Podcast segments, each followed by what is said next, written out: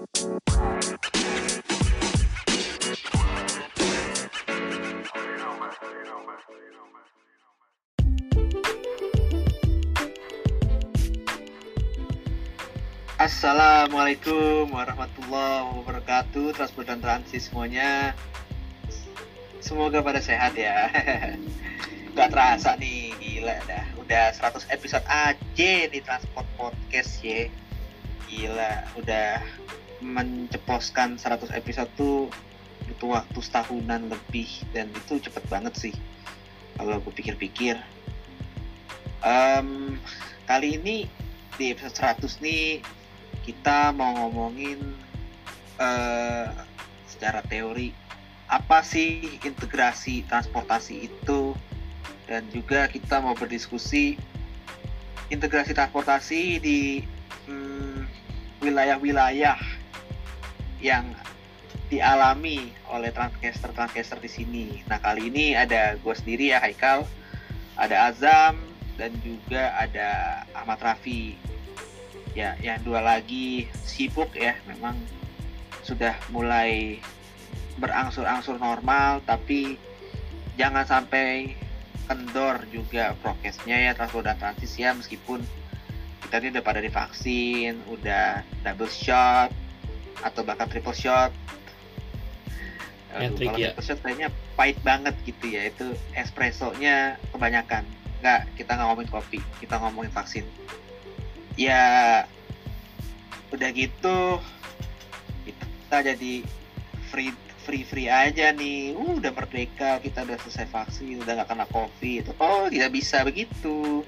Ini masih kondisi pandemi. Tapi kita juga harus um, membangun ekonomi ya sudah. Mau gimana? Tetaplah jaga prokes ya transport dan transis. Ya langsung kita ke tema aja nih jam. Okay. uh, tentang integrasi transportasi itu menurut KBBI kayak gimana? Terus jenis-jenisnya ada apa aja? Dan teorinya seperti apa? Monggo Zam Oke Kal, jadi kita bahas integrasi ya. Kata orang-orang mah, integrasi itu merupakan sebuah kunci. Seperti Jawa, Jawa adalah kunci. Nah, jadi integrasi ini kunci mobilitas menjadi lebih mudah Mana enggak? Benar atau benar? Ya benar, boleh boleh. Nah, jadi integrasi moda transportasi itu apa sih? Nih ya, kita mah jangan terlalu baku ya, kita mah yang buat ngerti aja. Jadi integrasi moda transportasi itu merupakan salah satu bentuk manajemen sistem transportasi publik yang menggabungkan dua atau lebih nih jadi dua atau lebih moda transportasi publik dengan tujuan mewujudkan pelayanan transportasi publik yang optimal. Nah, terus soal integrasi transportasi ya. Jadi integrasi transportasi ini di menurut kami ya itu digaris bawahi oleh lima elemen. Mulai dari asal atau origin dilanjutkan dengan first mile. Terus ada backbone. Selanjutnya ada last mile dan yang terakhir ada tujuan atau destination. Nah dari kelima itu juga butuh fasilitas pendukung nih.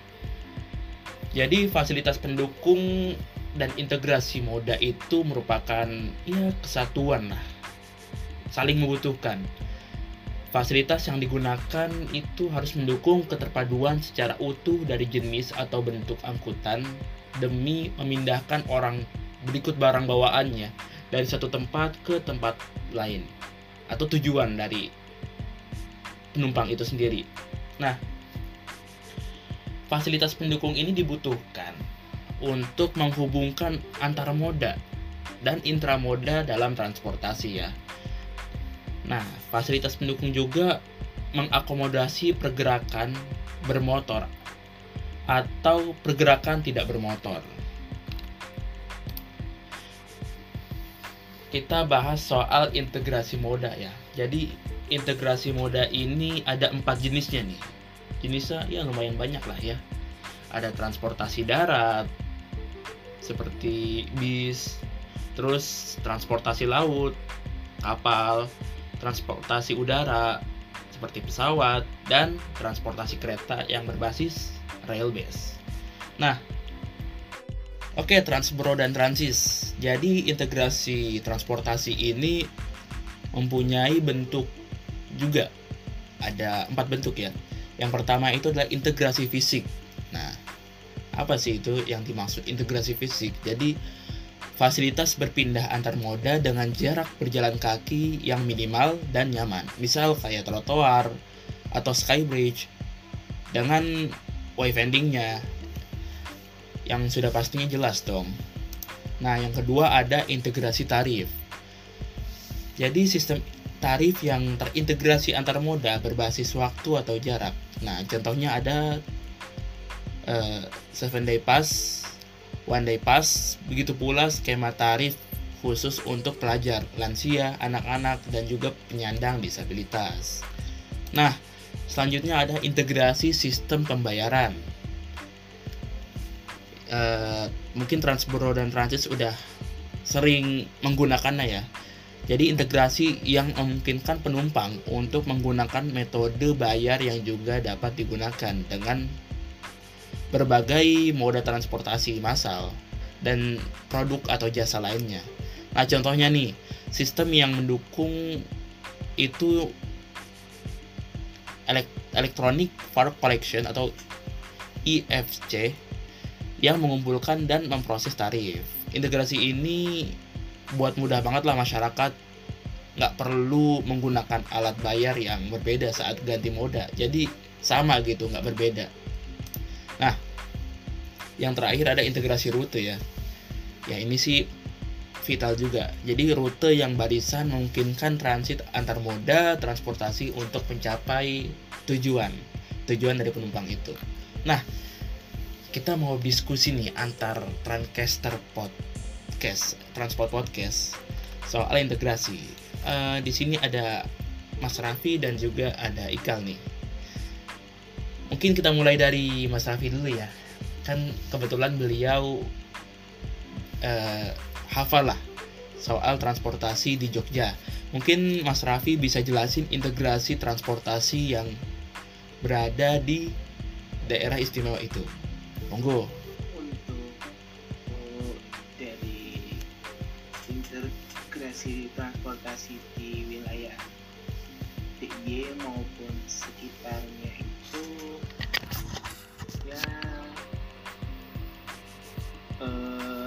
sudah ada beberapa tapi mungkin ya, ya belum selengkap atau belum serinci kayak di Jabodetabek ya.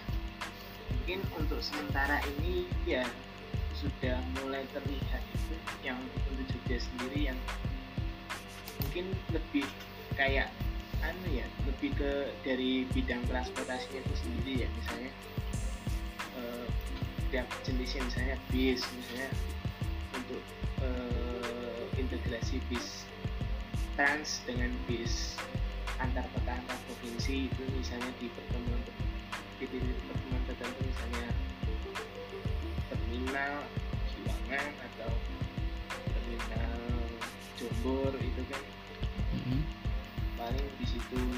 Dan untuk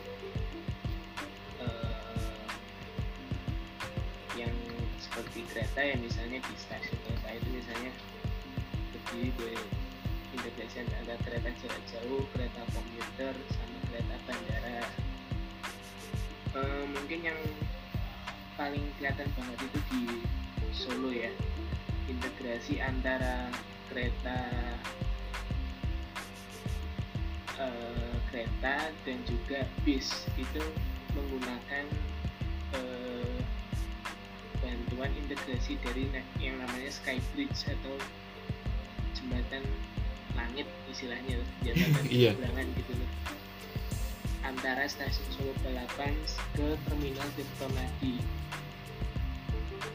itu jadi penumpang yang akan melanjutkan penumpang KA yang akan melanjutkan menggunakan bis ataupun sebaliknya itu menggunakan e, jembatan tersebut untuk melakukan perpindahan jadi nggak harus nyambung dengan beca atau opang atau ojol jadi langsung menggunakan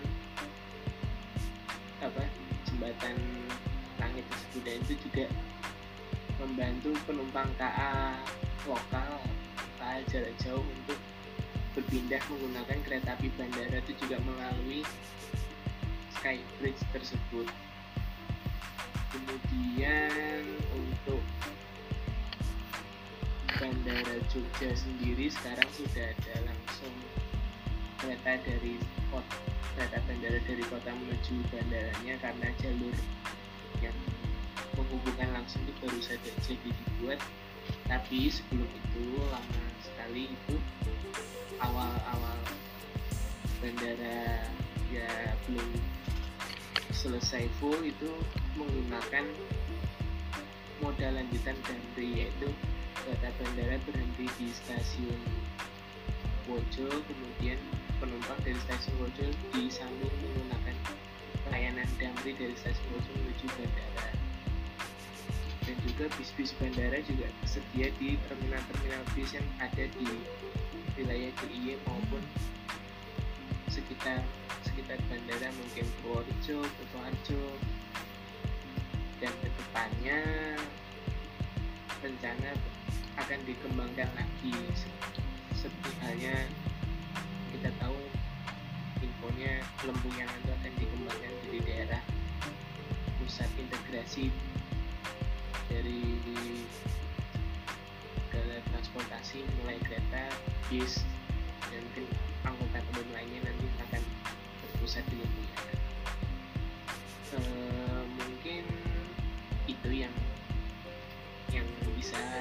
gue sampaikan dari kota Jogja. Kalau dari sistem pembayarannya kayak gimana tuh? Untuk sistem pembayarannya sendiri ya untuk bis trans ya menggunakan kartu seperti di Trans Jak- Jakarta apa kartu bank itu tapi beberapa pernah dengar juga ada yang masih menggunakan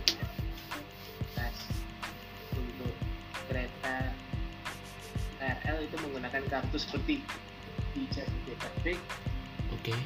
kereta api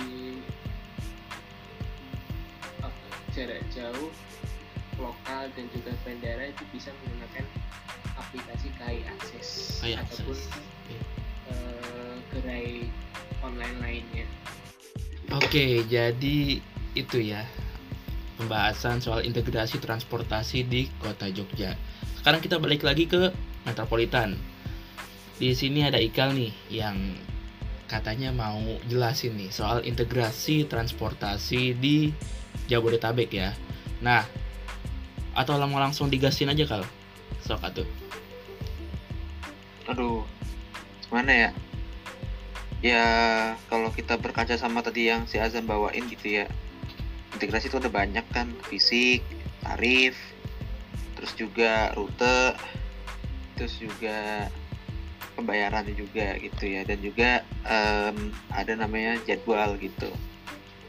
Jadi kita balik ke intinya aja. Integrasi itu kalau bagi orang awam mau gampang gini. Sambung menyambung menjadi satu. Oke kita nyambung nyambung nyambung nyambung dulu. Nanti supaya dapat ujungnya itu ya di tempat yang seharusnya. Kayak apa ya kalau di pelajaran fisika dulu ya hukum Kirchhoff ya jam ya? Ya, itu. yang katanya apa eh, ki masuk sama dengan ki, ki keluar ya? Iya. kayak gitu ya? Tapi dibelah-belah dulu gitu katanya kan. Ya seperti itulah. Ada bilang jalan menuju ke jalan menuju ke Roma segala macem gitu. Whatever lah lantas em, si integrasi ini kalau gua bedah satu per satu ya. Gua bedah satu per satu tuh em, dari fisik nih. Misal di Jakarta ya fisik tuh banyak sih. Dari Transjakarta ke MRT MRT ke LR MRT ke LRT belum ada sih yang LRT di Jakarta ya. Nah terus MRT ke KRL komuter la- lain ataupun eh, kereta bandara itu banyak banget di Jakarta nah ya. Kayaknya di dijelasin tuh dulu dulu udah pernah jelasin di episode uh, penataan kawasan stasiun episode uni muda intermoda multimoda itu banyak sih kita udah menjelasin. Ini kita seperti mereview-review aja lagi gitu ya. Lah terus um, integrasi fisik tuh yang penting modanya ketemu gitu di satu tempat di satu titik gitu. Let's say itu ke atas oke. Okay.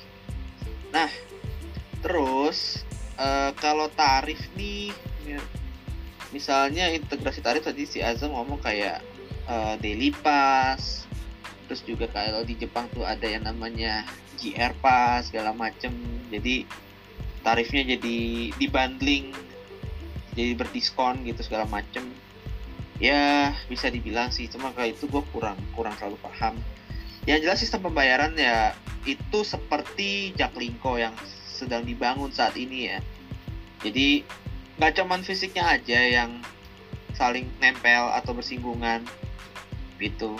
Tapi kesononya juga bayarnya juga dengan cara yang terintegrasi gitu tarifnya. Misalnya kalau kita pakai selain Jaklingko gitu ya kita pakai tarif normal ya MRT eh, tiap stasiun harganya beda TJ itu flat KRL itu tiap berapa kilo nah, tarifnya nambah berapa sih Vi? Gue lupa KRL tarifnya tuh berapa Vi? Nah, untuk sistem KRL sendiri ya itu tiap untuk di Jabodetabek itu antara 1 sampai 25 km pertama itu berkisar 3000 per orang. Kemudian ketik menambah 10 km dan berikutnya dan berlaku kelipatan juga itu 1000 per orang. Tapi itu Jabodetabek. Untuk KRL di Jogja nih yang baru aja launching beberapa bulan lalu nih itu sekarang masih flat Jogja Solo.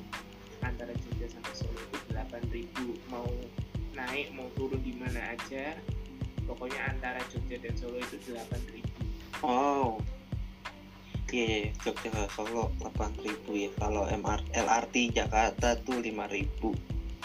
Ya, ada yang flat, ada yang uh, tiap stasiun beda-beda dan tiap kilometer beda-beda. Itu tarif-tarif itu kan harus diintegrasikan di kalkulasi secara matang jadi satu itu susah banget sih jujur waktu pas um, pemaparan dari tirutnya Jaklingko tuh ya tuh menurut gue tuh ini banget gitu ribet bener nih ini gimana ya gue mau tahu akhirnya ntar gimana aja dah pasti pemaparan begini bingung gue jujur gitu itu satu gitu. nah kalau rute integrasi gitu ya misalnya Jakarta lah paling gampang gitu. Rute rute rute di sepanjang koridor satu gitu. Itu kan banyak gitu ya. Ada yang e, bersinggungan dengan rute yang keragunan ada bersinggungan koridor 2 koridor 3 koridor 8 koridor 12 itu itu rute tuh kayak gitu tuh contohnya tuh. Nah itu uh, di Jakarta sudah sudah inilah ya. Kalau di satu halte udah terlihat integrasinya. Tinggal kita tunggu di halte sampai datang bisnya selesai. Nah kalau di, di luar halte yang di tengah gitu ya misalnya di halte pinggiran itu agak susah. Kenapa? Tap tap tap tap. Nah itu balik lagi ke integrasi pembayaran gitu. Kita tap tap tap tap. Kita habis. Sementara padahal sih harusnya enggak kalau pakai Jaklingko tadi itu harus ada kartu integrasi. Yang itu justru malah bikin enak sih untuk pengguna karena pengguna pakai itu dapat diskon yang murah gitu. Nah seperti itu sih. Kalau uh, untuk integrasi rute itu sama pembayaran tuh 11-12 lah gitu. Oke. Okay. lanjut uh, integrasi jadwal dan informasi gitu ya. Nah ini nih. Ini tuh gue pernah dulu sempat ngomongin kayak ada integrasi uh, sinergi BUMN siap gitu ya. Tapi di bidang penumpang seperti um, Damri dengan ini Damri dengan kereta dengan pesawat gitu. Nah itu kan macam-macam tuh. Misalnya tadi tuh uh, let's say KA Bandara IA ada berapa perjalanan gitu ya. Kalau nggak salah ada berapa ya Vi ya 5 atau berapa ya Vi atau 7 ya Vi gue lupa. Segituan ya Vi yang bandara mana? YIA yang baru nih. Segituan ya. Kalau nggak salah tuh ada uh, relasi Jogja YIA tuh 5 ya Vi correct me if I'm wrong gitu ya. Pokoknya segitu aja. Iya sekitar segitu. Mm-mm. nah itu kan juga kita misalnya mau tek tek pesawat gitu tanpa nunggu-nunggu itu kan perlu dipikirin juga kira-kira mau mulainya jam berapa. Ya itu kayak tadi tuh konektivitasnya adalah dari asal sampai ke tujuan tuh first gimana terus di backbone itu seperti ya. Contohnya KRL dan misalnya ataupun kereta bandara sampai ke pesawat terakhirnya terus naik naik apa lagi itu nah itu kan harus dipikirin gitu. Kayak misalnya lah kita mau berangkat kerja KRL Cikarang yang istilahnya katanya tuh satu jam sekali. Kita harus nyampe tempat kantor uh, jam segini nih. Nah itu bisa tuh dengan kita mengintegrasikan jadwal perjalanan kita. Misalnya nyampe stasiun jam segini langsung naik kereta berangkat. Ntar nyampe nyambung nyambung mode apa lagi nyampe kantor gitu. Terus juga misalnya integrasi ini contoh nih kalau uh, kereta cepat gitu ya.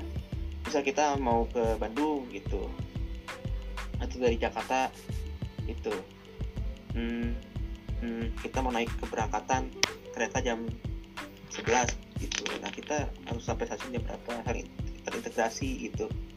Antara uh, jadwal misalnya jadwal di situ ada kayak halimnya oh LRT ada LRT ada LRT gitu itu bisa tuh di hmm, integrasikan kayak gimana sih ininya nih?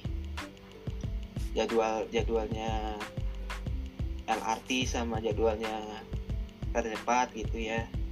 Kira-kira yang sejajar mana nih? Kita bisa ambil itu. Atau paling gampang gini sih dulu tuh ada apa sih sinergi BUMN lagi tuh yang Damri Damri Gambir ke Lampung tapi pakai tiket kereta. Itu integrasi juga tuh. Kalau jadwalnya cocok gitu. Terus juga ada integrasi apa ya? Uh, aduh pokoknya yang nyebrangin nyebrang nyebrang juga deh. Gue lupa apa apa di Madura atau apa cuma di Selat Sunda doang. Pokoknya kayak gitulah. Itu integrasi banget tuh dari kereta bis eh dibawa ke kapal terus saya mau kereta lagi. Kalau nggak salah tiketnya Jakarta Palembang gitu atau Bandung Palembang tapi itu ada terusannya dengan Damri gitu. Sama ada juga uh, untuk main gue dari videonya Andrea Pratikto itu ada integrasi uh, jadwal antara kapal Pelni dengan Damri itu misalnya kapal Pelni datang jam segini nah Damri itu udah standby di jam tersebut tinggal ini uh, narik penumpang lah istilah gitu. Kayak gitu sih kurang lebih mah yang bisa gue sampaikan. Nah atau lagi kalau misalnya mau fasilitas pendukung gitu ya ya di Jakarta juga ada banyak ya kayak contohnya CSW gitu yang sedang yang sedang dibangun dan menjadi sebenarnya sih. Tinggal diresmiin aja. Terus juga pembangunan JPM JPM kayak misalnya di Tanah Abang penataan stasiun Tanah Abang penataan stasiun Tebet Kota Sudirman terus apa namanya Juanda Palmerah gitu. Semua itu untuk meningkatkan aksesibilitas antar moda gitu ya intinya. Nah terus eh, JPM Duku Atas yang sedang mau dibangun nih antara LRT Jabodebek ke stasiun KRL Sudirman. Apalagi ngomong Duku Atas nih udah kita ngomongin pertama kali itu baru sebatas yang pertama. Belum lagi nanti kedua ada lagi ke depannya sih gue rasa. Entah di episode berapa lah ya tunggu aja lah pokoknya aku nanti gitu aja sih Zam dari gue oke. Jadi itu ya soal integrasi di Jabodetabek. Oke, selanjutnya dari gua ya soal integrasi di domisili gua yaitu Bogor, Serempet, Tangsel lah, Pamulang. Kalau dari Kabupaten Bogornya sih integrasi antara bis dengan nama pusaka atau batu selembur itu integrasi dengan angkot Bogor. Nah, jadi pagi-pagi ini bis pusaka datang dari Polis sampai di Parung itu jamnya sama dengan keberangkatan angkot Parung menuju Bogor. Sebenarnya sih ada, ada bis pusaka juga yang menuju Bogor, tapi lamanya itu loh. Nah, jadi kebanyakan para penumpang yang dari Polis mau ke Bogor itu turun di Parung dilanjutkan dengan moda transportasi angkot dengan trayek 06 Parung Merdeka. Asik Parung Merdeka. Ya gitu. Terus kalau dari integrasi pembayaran sih nggak ada ya. Sama-sama bayar sendiri gitu. Pusaka ya bayar sendiri angkot bayar sendiri. Nah terus integrasi di Pamulang ya. Oh ya kalau integrasi di Pamulang itu ada. Salah satunya angkot Reni ini. Jadi angkot Reni ini angkot Reni itu banyak beroperasi di jam-jam kerja pagi sama sore. Jadi ketika pagi itu angkot Reni banyak tuh jalan para pekerja atau pengelaju ibu kota yang tinggal di Reni naik angkot itu sampai ke Ciputat. Di Ciputat sudah tersedia banyak moda transportasi kan. Uh, terus juga kalau sore. Kalau sore itu angkot ini kebanyakan tidak uh, mangkal di Ciputatnya. Jadi kan dari Jakarta turun di Ciputat langsung ke Reni sampai di daerah Reni yang perumahan kebanyakan. Jadi gitu sih. Tapi kalau ya dari sistem bayaran ya nggak ada sih udah nggak ada. Itu aja sih yang bisa gue jelasin kal. Wow pokoknya kalau nggak itu ya apa tuh angkot-angkot tuh kan sebagai first mile gitu ya first mile orang terus nyambung ke bis gitu ya. Jujur sih memang angkot-angkot tuh juga perlu dibenah. Harus. Um, selain apa ya selain bentukannya gitu armadanya tapi integrasi pembayarannya juga gitu loh. Gitu nah kalau di Jakarta memang sih penataan stasiun tuh disiapkan tempat integrasi tinggal lu mau pilih naik apa gitu. Mau naik bajai bisa opang bisa ojol bisa taksi bisa transjakarta bisa mikrotrans bisa mikrolet bisa gitu. Jadi semua adil gitu sih.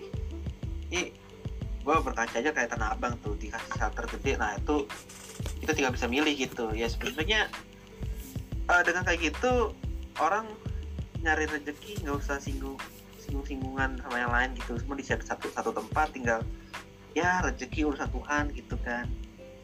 Nah terus ini berarti ada permasalahannya adalah di masalah pembayaran itu yang masih bikin tekor dan orang males gitu. Salah satunya uh, tadi di Jogja Trans Jogja dengan KRL belum. Terus juga apalagi tadi Tangsel ya sama Bogor apalagi itu KRL sama angkot Bogor, KRL sama angkot Tangerang gitu sebagai firstnya atau lastnya itu menuju ke back menuju atau dari backbone tuh juga uh, integrasi pembayaran tuh masih cacat gitu masih belum tertata. Mungkin ke depannya pihak-pihak terkait gitu ya baik itu ITJ ya, habis itu BPTJ dan lain-lainnya gitu. Bisa saling bahu membahu gitu membenahi masalah integrasi di Jabodetabek ini gitu. Harapan gue sih gitu. Dan pastinya um, apa ya paling sih kalau tadi sih gue pengen Bekasi gitu ya mewakili David Henok yang tidak bisa hadir di sini ya mungkin sih kalau ada LRT semoga juga tetap dibenahi lah integrasinya. Kita tuh sering ngomong integrasi banyak di beberapa episode sebagai refleksinya lah ya. Seperti yang tadi gue bilang di awal.